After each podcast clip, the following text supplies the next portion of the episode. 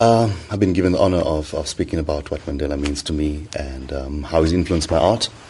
So, so basically, I'm a, a little guy from an area called Bosmont where we just had normal schooling, and I needed specialized schooling because I've been sketching since I'm six, the first sketch they have of me. Um, and so what happened is, after Mandela is, is released, it is at that time that I've then been given the opportunity to go to any school within South Africa.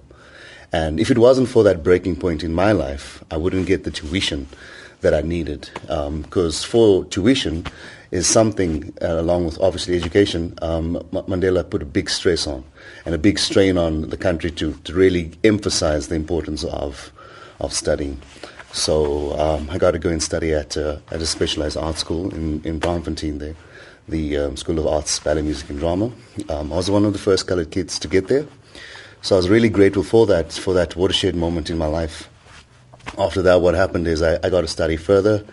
I went overseas, uh, stayed there in Ireland for 10 years, and um, really thought about the importance of being a South African and, and what makes us a South African. And when I think about these things, Mandela seems to pop up all over the show because of him and being uh, the, the leader of the ANC at, at, the, at the time and what they have accomplished within South Africa's realm.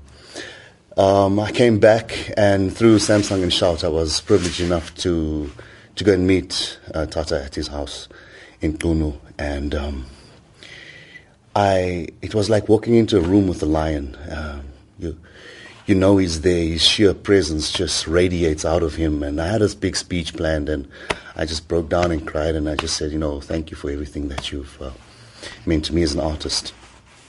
I'm, I'm really humbled, sir, by everything you've done. And um, the reality of being a legend hit me then, that um, the impact of one life on a nation. And I've been challenged as an artist to, to do many, many massive paintings. I've, I've done the largest Mandela now recently, which is six meters by 3.8. And why people ask me why I've done big paintings or why I paint Mandela is, is to make a statement as to the importance of man's life and what one life can actually do.